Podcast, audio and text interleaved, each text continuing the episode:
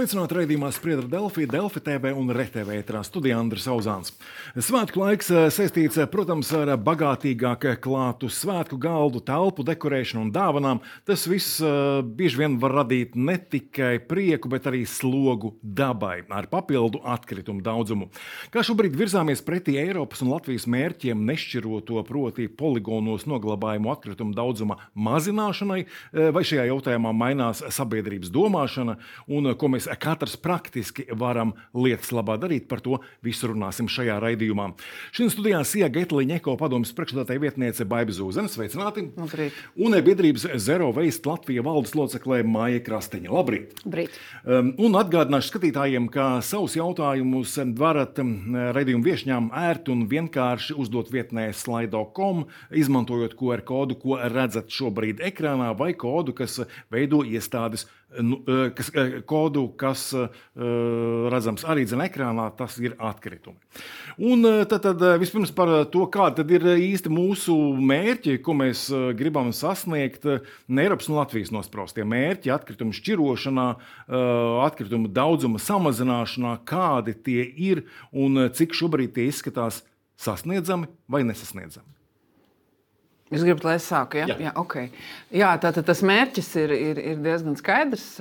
Līdz 2035. gadam apglabāto atkritumu daudzums ir jāsamazina līdz 10%. Šobrīd mēs esam diezgan tālu no tā. Mēs esam virs 50%. Tur grūti pateikt ļoti precīzi skaitlis ar 50 un 60 kaut kur. Uh, Un, jā, kādi tad ir tempi tuvojoties šim mērķim, un vai mēs viņu sasniegsim? Nu, to šobrīd nevar pateikt neviens. Ārkārtīgi optimistiski šobrīd neizskatās, jo tie apglabāto atkritumu apjomi samazinās, bet viņi nesamazinās tādā tempā, lai mēs varētu cerēt, ka līdz 35 gadam mēs sasniegsim šo 10% mērķi. Cik procentu tad ir šobrīd? Šo, es saku, šobrīd tiek noglabāti virs 50% jā, jā. atkritumu, kas nozīmē, ka tie ir tādi, kurus nevar savādāk, nu, kuri nav sašķiroti un, un kuri vienkārši šobrīd tiek noglabāti. Jā. Kā jums šķiet, cik tālu mēs esam no šo mērķu sasniegšanas, un vai to sasniegšana izskatās reāli? Nu, šobrīd mēs esam diezgan tālu no šo mērķu sasniegšanas. Būsim atklāti. Labā ziņa gan ir tāda, ka sākot ar nākamā gada janvāri būs obligāta bioloģisko pārtikas atkritumu dalītā šķirošana. Tā ir patiesībā mums liela iespēja. Tie ir 40, tad bioatkritumu veido 40% no mūsu atkritumiem. Un, ja mēs tagad tā paskaidām, šie 50, ko mēs šobrīd apglabājam, tur joprojām iekšā ir šie bioatkritumi. Tad patiesībā, ja pēkšņi notiktu ārkārtīgs brīnums un mēs ārkārtīgi saņemtos un sāktu visu šķirot bioatkritumus, tad nu, procentuāli mēs visi skatītos ļoti tuvu šim mērķim. Protams, mēs arī labi zinām, ka neies viegli, neies ātri. Rīga ir sākusi bioatkritumus šķirot jau iepriekš, ja mēs jau vairākus gadus šo sistēmu testējam un redzam, nu, ka ņemot vērā to, kā šī sistēma šobrīd ir sakārtot, vai pareizāk sakot, tajā ir liela trūkuma, tad nu, ar, arī ar šo šķirošanu iet ļoti lēni. Tā kā šo mērķu sasniegšana, protams, ir apdraudēta. Jā, par eh, bioatkritumiem parunāsim arī eh, pēc brīža. Šobrīd uz ekrāna varam eh, paskatīties, ka par Getliņa poligona ietilpību pirms gada tika rakstīts, ka um, poligona kapacitātes pietiek vien pieciem, septiņiem gadiem. Vai ir jauni dati par Getliņa poligona ietilpību, vai tas pildās eh, straujāk vai mazāk strauji nekā eh, tika domāts pirms gada. Jā, nu tā atkritumu eh, plūsma mazliet ir samazinājusies, jo tā šķirošana tomēr lēnā garā uzlabojās.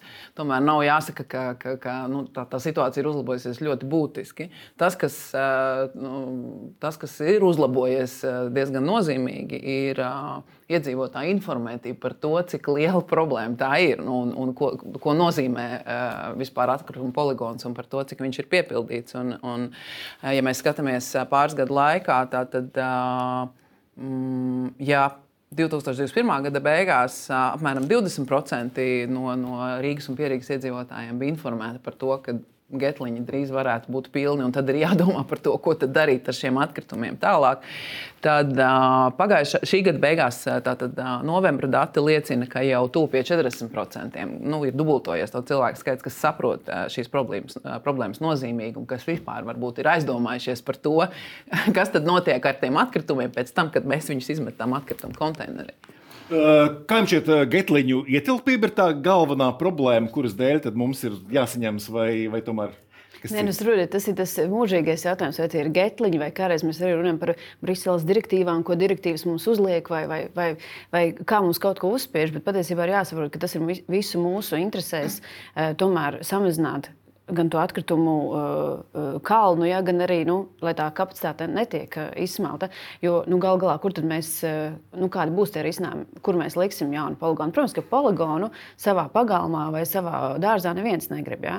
Un neviens negrib arī, nu, kā mēs esam redzējuši jau pēdējos, pēdējo gadu, pēdējā gada laikā, īpaši neviens negrib arī atkritumu dedzinātavu uh, savā, savā reģionā vai, vai, vai, vai, vai savā apkaimē. Kā, uh, lai mēs kolektīvi spētu izvairīties izvairīties no šiem risinājumiem, mums būtu daudz interesantāk nu, sākt pievērsties šķirošanai. Eh, skaidrības labā tomēr eh, gribēju pajautāt, eh, kas tad ierobežo tās getliņu iespējas augt teiksim, augstumā. augstumā un plašumā? Jā, nu, es neiešu tehniskās detaļās, bet principā tā ir getliņi.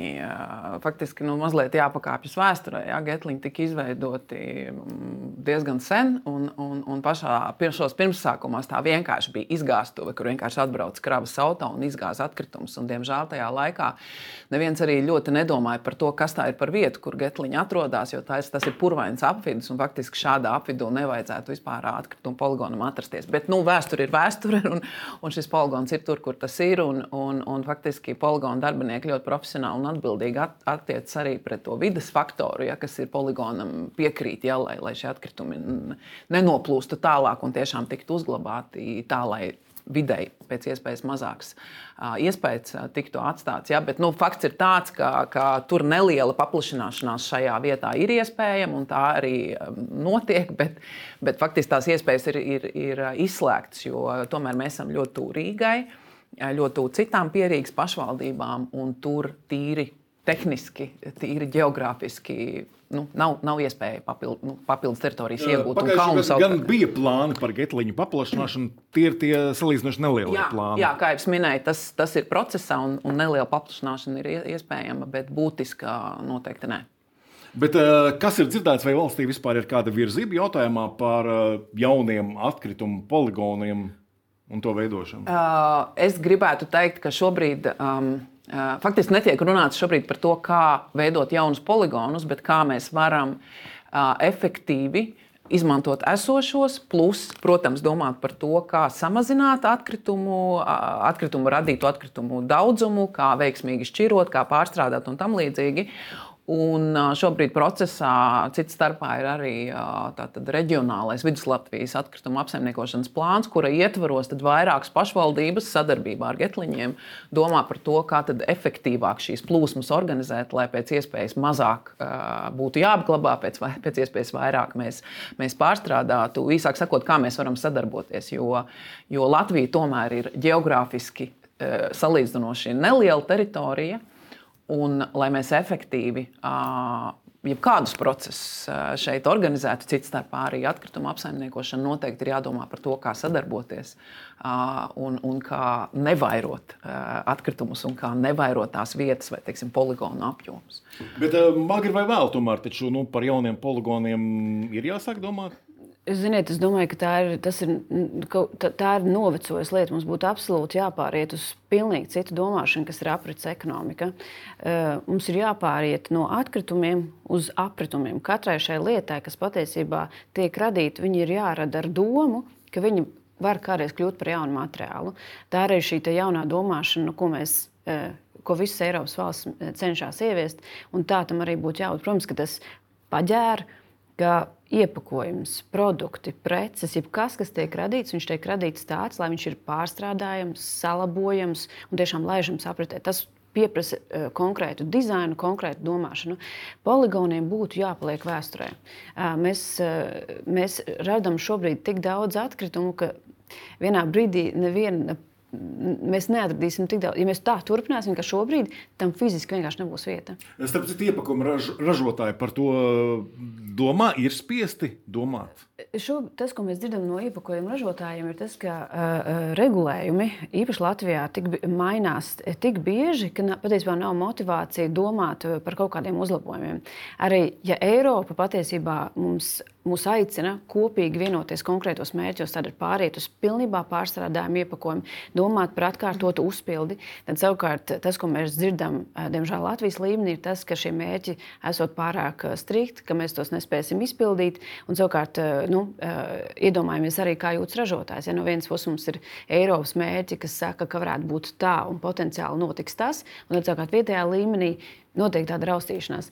Tā kā motivācija pāriet uz pilnībā pārstrādājumu iepakojumu šobrīd nav bijusi pietiekama. Bet pircējs varbūt veiklā gluži vienkārši izvēlas to ērtāko iepakojumu, balsojot ar uh, savu maciņu un gluži nedomā par to, cik uh, šis iepakojums ir uh, videi draudzīgs. Pilnīgi noteikti, jo īstenībā lielākā daļa patērētāju nemaz nezina, kā atšķirt to iepakojumu, kurš ir pārstrādājums. Tādēļ tas, kas būtu jāzina, ka vienam cilvēkam ir norādīts ar ārkārtīgi mikroskopisku ciparu. Tad Latvijā šobrīd var pārstrādāt ciparus 1, 2, 4, 5.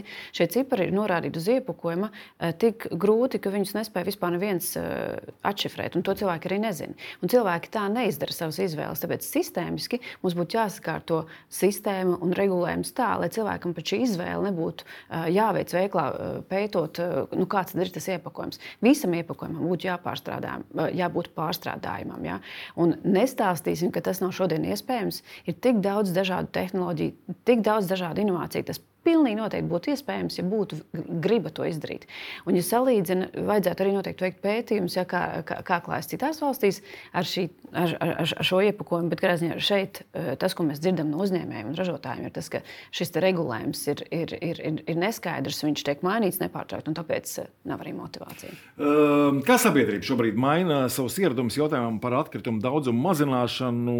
Ko rāda jūsu nesen veiktā aptauja šajā jomā? Ja mēs runājam tieši tieši par, tieši par bioloģiskiem atkritumiem, tad tas, tā labā ziņa ir tāda, ka, ka tas, ka iepriekšējā kampaņa ir bijusi ļoti veiksmīga, jo es nevaru atrast, kur man palika tieši tie precīzie dati, bet ļoti būtiski ir, ir uzlabojies to iedzīvotāju daudzums, kuri vispār ir aizdomājušies par to, ka bioloģiskie atkritumi ir jāšķiro. Tātad, jā, es tagad, tagad atradu tos ciparus. Tātad par, par vairāk kā 20% ir pieaudzis to cilvēku skaits, kas vispār zina, kā izskatās biokonteiners. Ja, tas biokonteiners ir konteiners brūnā krāsā.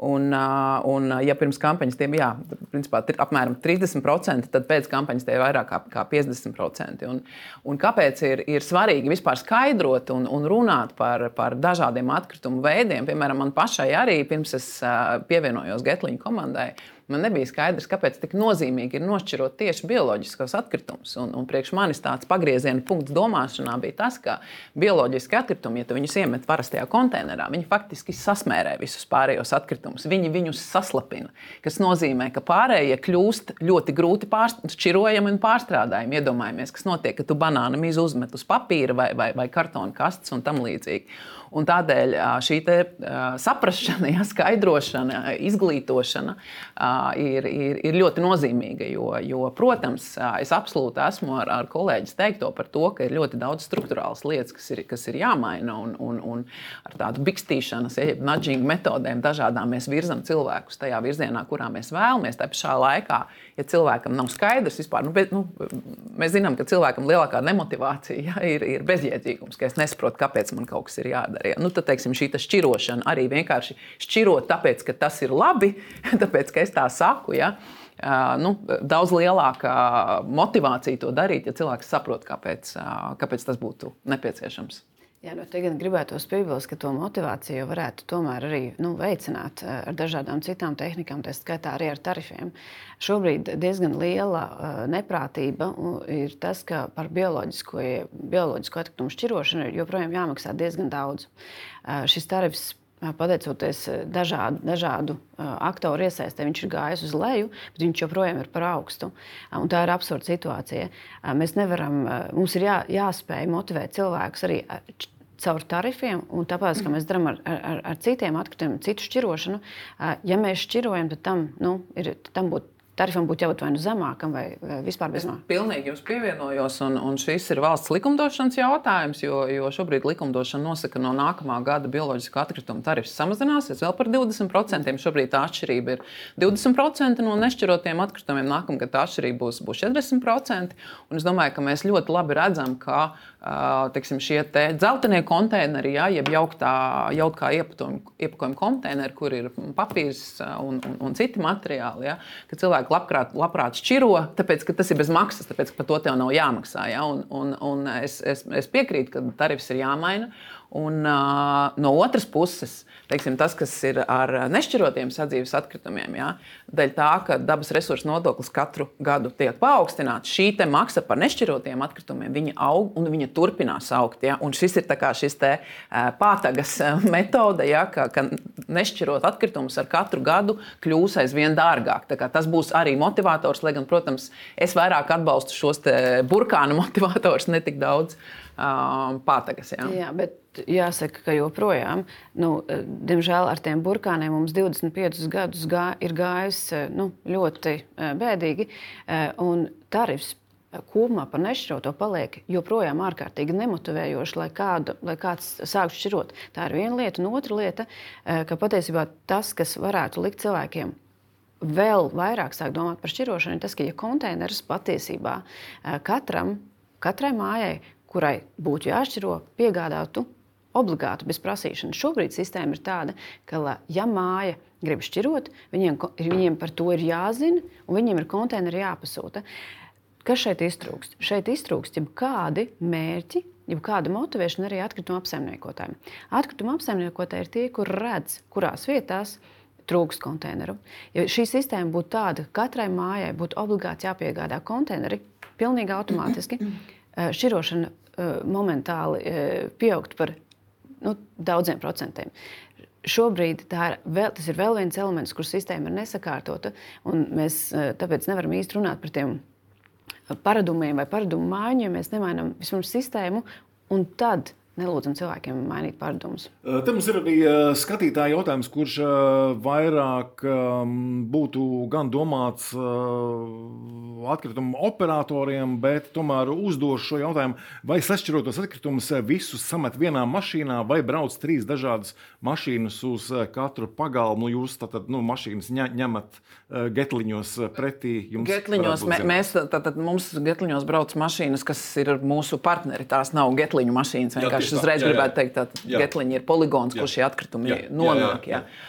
Un, uh, tur droši vien būs atšķirības dažādiem, dažādiem apsaimniekotājiem. Es nezinu, varbūt kolēģi var pa, pakomentēt vairāk, bet uh, katrā ziņā tas mīts par to, ka nav vērts šķirot tāpat, viss tiek samests kopā. Jā. Tas noteikti ir mīts, jo tas tā nenotiek. Tas tā nenot... Ir mīts vai nav? Tas ir, ir mīts, jo, ir, jo mums arī kolēģi atkrituma apsaimniekotāji ir skaidrojuši, ka viņiem ir tādas maģiskās mašīnas, kas atcita diviem vēderiem. No malas izskatās šausmīgi, ka tev samet abas. abas atkritumu urnas vienā, vienā mašīnā, bet patiesībā tur iekšā ir tādi tā kā, divi vēderi.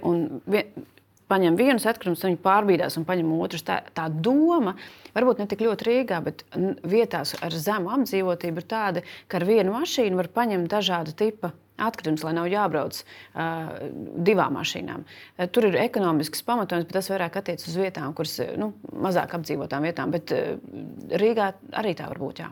Tā tas ir vairāk mīts. Vēl ir jautājums arī par šķiroto atkritumu sabojāšanu. Šķiroto atkritumu konteinerā iemetot kaut ko nepareizi, kā rezultātā atkritumi tiek apglabāti poligonā, cik tā uh, ir izplatīta vai nav izplatīta lieta. Vai atkritumu apsaimniekotāji jums par to ziņo? Uh, šeit nebūs ļoti teikt, zinātniska šī atbilde, jo tāda precīza pētījuma man nav. Bet, protams, atkrit, nu, diemžēl tā lieta ir, ka, ka, ka tiek sabojāti vienkārši sakot, vienkārši sakot atkritumi bet tas nenotiek nu, teiksim, tas arī nav tā, ka uh, viens nepareizi iemests atkritums tad, uh, garantē to, ka visa krava aiziet un tiek vienkārši apglabāta. Ja atkritumi tiek pāršķiroti jebkurā gadījumā. Uh, Jā, nu, nu, redziet, un tas savukārt par to iedzīvotāju motivāciju runājot, ir tas, ko cilvēki saka ļoti bieži, ka uh, viņiem pienāk sots par nepareizi sašķirotiem atkritumiem. Uh, tātad ir dzeltenajā konteinerā ir iemests kaut kas, kā jūs minējāt, piemēram, varbūt tur kaut kāda pārtika vai kaut kas, un ir atnācis sots. Um, ir skaidrs, ka mums kaut kādā veidā vajag motivēt cilvēkus, lai viņi pareizi mācās šķirot, bet arī šie sodi, uh, viņi zināmā mērā ir pretproduktīvi, jo mēs nevaram sodīt visu māju par to, ka ir bijis viens uh, kas ir iemetis, un tāpēc viņam tagad ir lielāks sots. Īpaši, ja atkritumi pēc tam tiek pāršķiro, vēlreiz pāršķiroti, Protams, ka ir dažādi līmeņi. Ja, tad, ja pilnīgi viss, viss ir slikti, protams, tas ir saprotams. Ja, bet īsti motivējoši iedzīvotājiem tas nav. Un iedzīvotāji par to ļoti daudz stāsta, ka, ka šie, šie sodi viņiem nešķiet uh, godīgi. Un, turklāt tas, kurš uh, nepareizi kaut ko iemet, viņš var būt Eh, var arī nebūt tās mājas iedzīvotājs. Viņš var būt kaut kāds garām gājējs, kurš, tā. Eh, ja tie atkrituma konteineri nav kaut kādā slēgtā telpā nu, vai nu, ierobežoti, eh, tiek klāt un iemet kaut ko nepareizi. Tieši tā, piemēram, piemērs no vietas, kur sauc Cimanta, tika izvietoti konteineri ļoti ērtā vietā, kur gan arī pusi rajons iet garām uz pieturu. Eh, un šī māja maksā gan arī par puses rajona atkritumiem, jo vienkārši tā ir ērtība. Un, protams, ka mums būtu jānonāk līdz sistēmai, kur katrs konteiners ir aiz atslēgas, vai vēl labāk, kā piemēram Cēsīs ir ieviesta sistēma, kur vecpilsētā cilvēki uh, maksā tikai par to, ko viņi izmet. Tā ir pay as you throw uh, sistēma. Uh, Mums līdz tam ir iespējams jānonāk, bet atkal ir diezgan daudz dažādu šķēršļu, lai cilvēki līdz tam nonāktu ļoti grūti. Piemēram, sadarbība ar Rīgas nama pārvaldnieku, vai tas, kā kopīpašums var pieņemt lēmumu par šīs novietnes uzstādīšanu un tā tālāk. Ir jāatvieglo virkne regulējumu, lai cilvēkiem padarītu šo šķirošanu vieglāku, ērtāku, motivējošāku. Atgriežoties pie jautājuma par bioloģisku atkritumu šķirošanu uz ekrāna, tad, tad varam paskatīties šo vēstu par bioloģisku atkritumu šķirošanu Turklāt no 1. janvāra tā kļūst obligāta. Eh, kāpēc ar to šobrīd eh, nesoks un nu, nav tik daudz to uh, Bruno konteineru. Jā, droši vien, ka tas atkal es vienkārši gribētu uz, uzsvērt, ka uh, Getliņa mēs uh, strādājam pie tā, lai informētu sabiedrību uh, par, par to, cik nozīmīgi ir atkritumu šķirošana, cits starpā arī bioloģisku atkritumu šķirošanu.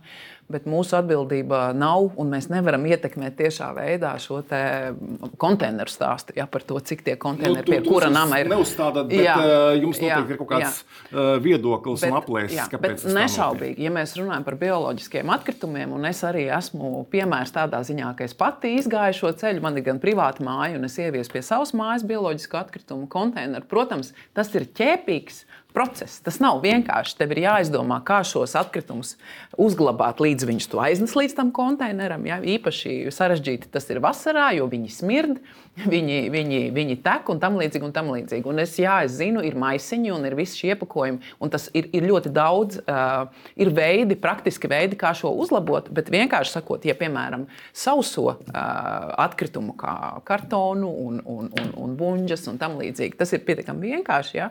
Šie, uh, bioloģiskie atkritumi tas ir salīdzinoši sarežģītāk. Un, protams, jā, man ir tagad ir izveidot pašai savs konteineriņš, kurā es tur teiksim, ir kaut kāda ieviesta prakse, ja, bet lai, lai tu nonāktu līdz tai saprašanai, nu, tas, tas nav ļoti vienkāršs ceļš. Ja, tur ir jāgrib.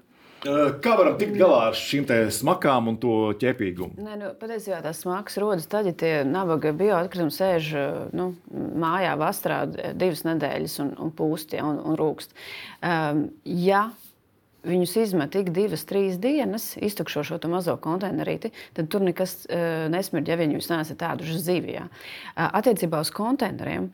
Uh, ir jāsaka, ka tas ir tiešām nav skaidrs, ka, š, ka, š, ka šeit ir kas patiesībā ir noticis. Jo tik lielus konteinerus, kā, kādi ir piegādāti mums, uh, es gudīgi sakot, neesmu redzējis uh, gan izlaikam nekur Eiropā. Es dzīvoju vairākās valstīs, mēs esam pētījuši arī un skatījušies, ko dara citas valstis. Mūsu konteineri ir ārkārtīgi lieli un netiek piedāvāti mazāki konteineri. Tad atkal šī netaisnība ir tāda, ka šis arī attēlā redzamais konteiners ir ārkārtīgi milzīgs. Iespējams, ka viņš būs nezinu, trīs uh, lietuviešu tipu mājām kopā. Šeit tas potenciālais uh, kļūdas procents varētu būt ļoti liels, jo tur iemetīs cilvēki, šeit cilvēki psiholoģiski sākumā nesapratīs, kas tas ir par konteineru. Viņi sametīs visu.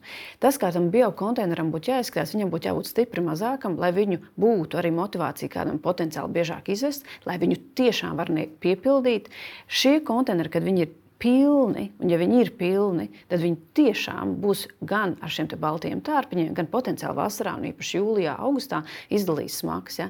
Šeit ir noticis kaut kas pilnīgi eh, nu, neskaidrs, eh, godīgi sakot, ar šo konteineru izmēriem. Eh, daži apsaimniekotāji gan atbild, ka viņiem esot arī mazāki konteineri, bet diezgan dīvainā veidā šie mazākie konteineri ir paslēpti kaut kur, kaut kādās lapas, kaut kādās pašos stūros, kur tiešām vajadzētu zināt, ka ir mazāki konteineri. Izmērs ir liela problēma. Otra lieta, ka tiešām cilvēkiem ir jāzina, kur šos konteinerus un kā pasūtīt. E, un tas ir milzīgs šķērslis gan zeltainiem konteineriem, gan šiem konteineriem. Tad visiem skatītājiem ir jāzina, ka lai gan šķirošana ir obligāta, jums pašam ir šo konteineru jāpasūta namu vai atkritumu apsaimniekotājiem. Un šis ir te, šis neloģisms, ko lielākā daļa cilvēku vienkārši nesaprot. Kā kaut kas var būt obligāts, bet tāpat laikā viņam ir viņš jāpasūta.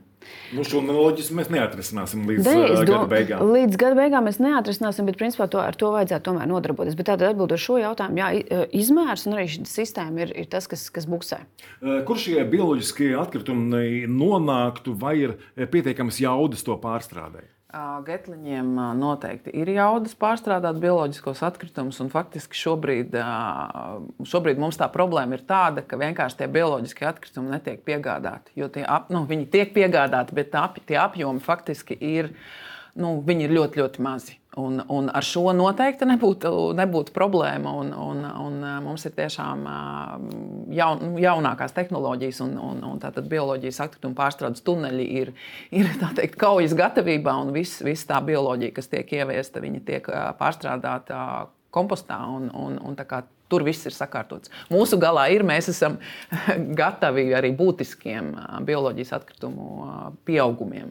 Kāds jums ir labums no šīs bioloģisko atkritumu pārstrādes? No citas starpā arī tiek, tiek, tiek ražota enerģija, tātad, un, un, un vispār, ja mēs runājam par, par getliņiem, tad Mēs jau sen vairs neesam izgāstuvi. Mēs tātad esam atkrituma pārstrādes poligons, kur, tiek, kur enerģijas ieguve ir, ir, ir būtiska darbības sastāvdaļa. Un, un mēs varam teikt, ka mēs esam izējām pilnu aprits ekonomikas ciklu, jo šī jā, iegūtā enerģija tiek izmantota gan pašu vajadzībām, tātad darb, darbības nodrošināšanai, birojā, birojām un, un, un citām.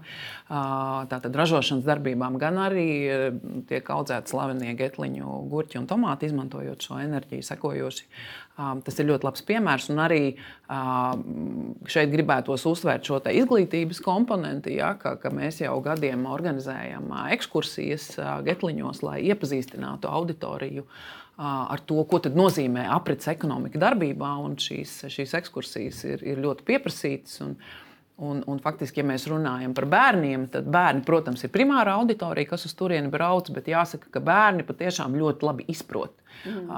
šo nepieciešamību šķirot, un viņiem tā atbildība par planētas nākotni šķiet ir, ir daudz augstākā līmenī nekā pieaugušiem cilvēkiem, kuriem, nu, kuriem ir tiešām jāveicina šī domāšanas maiņa, lai, lai mēs ātrāk pātrinātu šos tempus, kā, kā atkritumu pārstrādi uzlabot.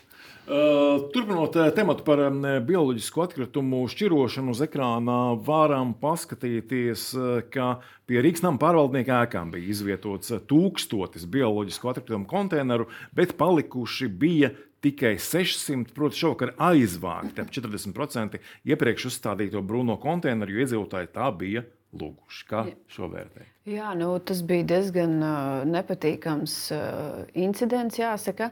Uh, jo patiesībā uh, mēs kopā ar Rīgas domu, Zervēs Latviju, ir, uh, kopā ar Rīgas domu un valdos vienu apsaimniekotējumu arī veicām informatīvu kampaņu, informējot sabiedrību par to, ka būs šie konteineri, ka stāsies spēkā, ka varētu būt pieejami.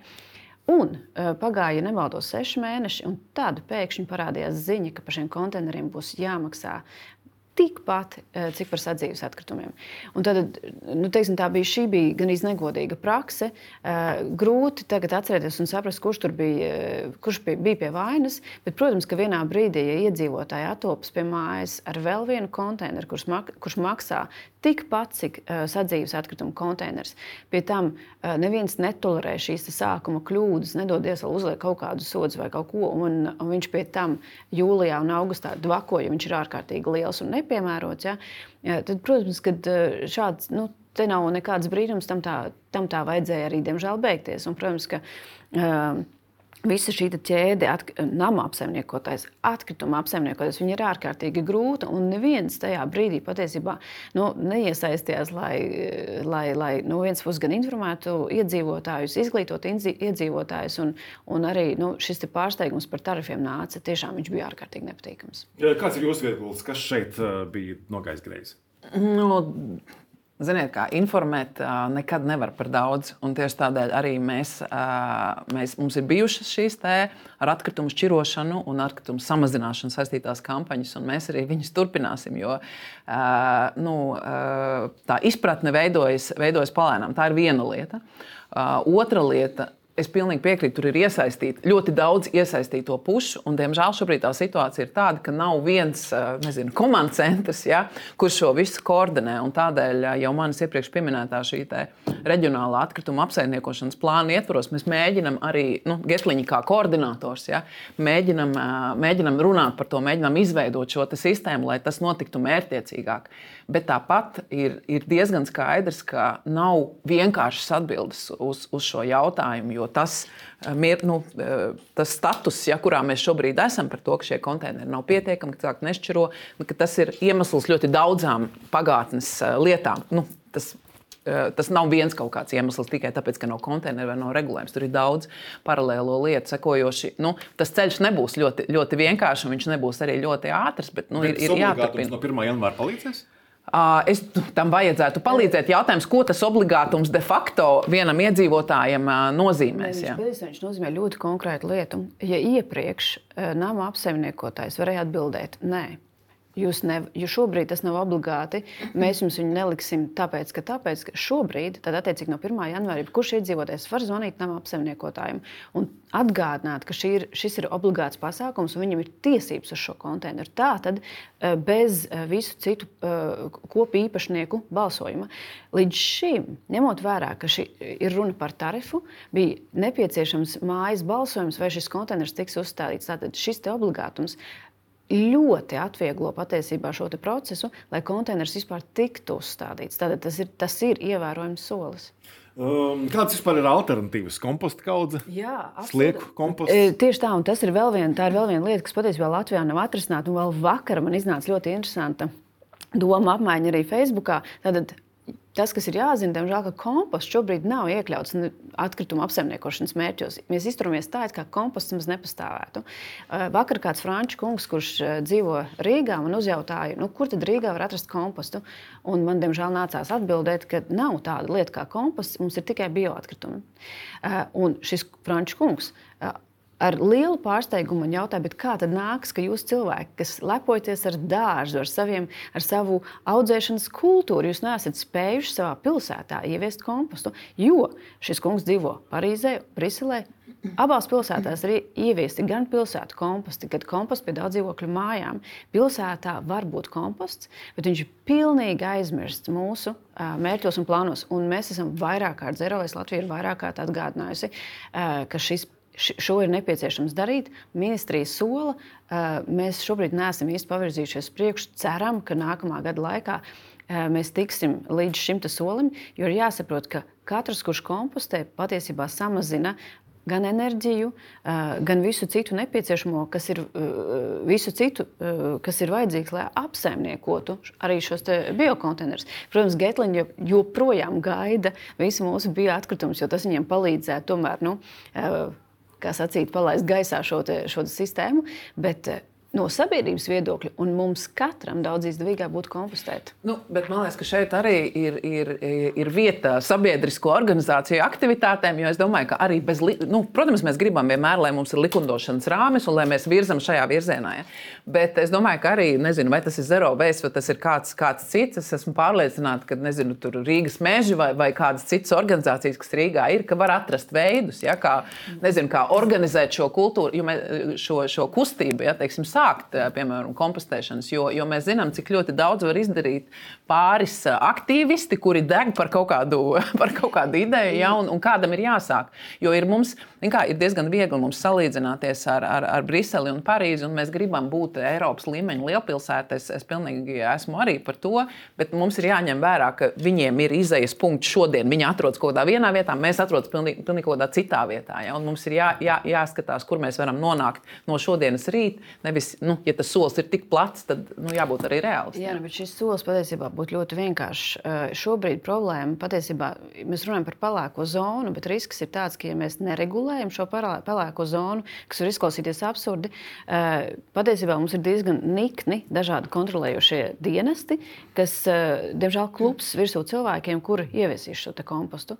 Un, un ir jāsaka, ka īpaši lauku teritorijās, reģionos būtu ārkārtīgi svarīgi, lai komposts būtu iekļauts atkrituma apsaimniekošanas plānos. Jo viņš ir, mēs nevaram, tas būtu absurdi prasīt no reģionu iedzīvotājiem, lai viņiem būtu uh, konteineri. Viņiem vienmēr ir bijis komposts, bet ir jāsaprot, cik viņi sakompostē, un tam ir jābūt kā atzītam atkrituma apsaimniekošanas veidam. Jā, pieļauju, ka komposts varētu būt arī atsevišķa raidījuma tēma, atsevišķa raidījuma temats. Ļoti daudz ko nespējam šodien izrunāt, bet jebkurā gadījumā saku paldies raidījumu viesņām. Nākamais spriedra Delfī raidījums ēterā rīt. Tajā runāsim ar finanšu ministru Ārvilu Ašerādenu. Šodien paldies, ka skatījāties uz tikšanos!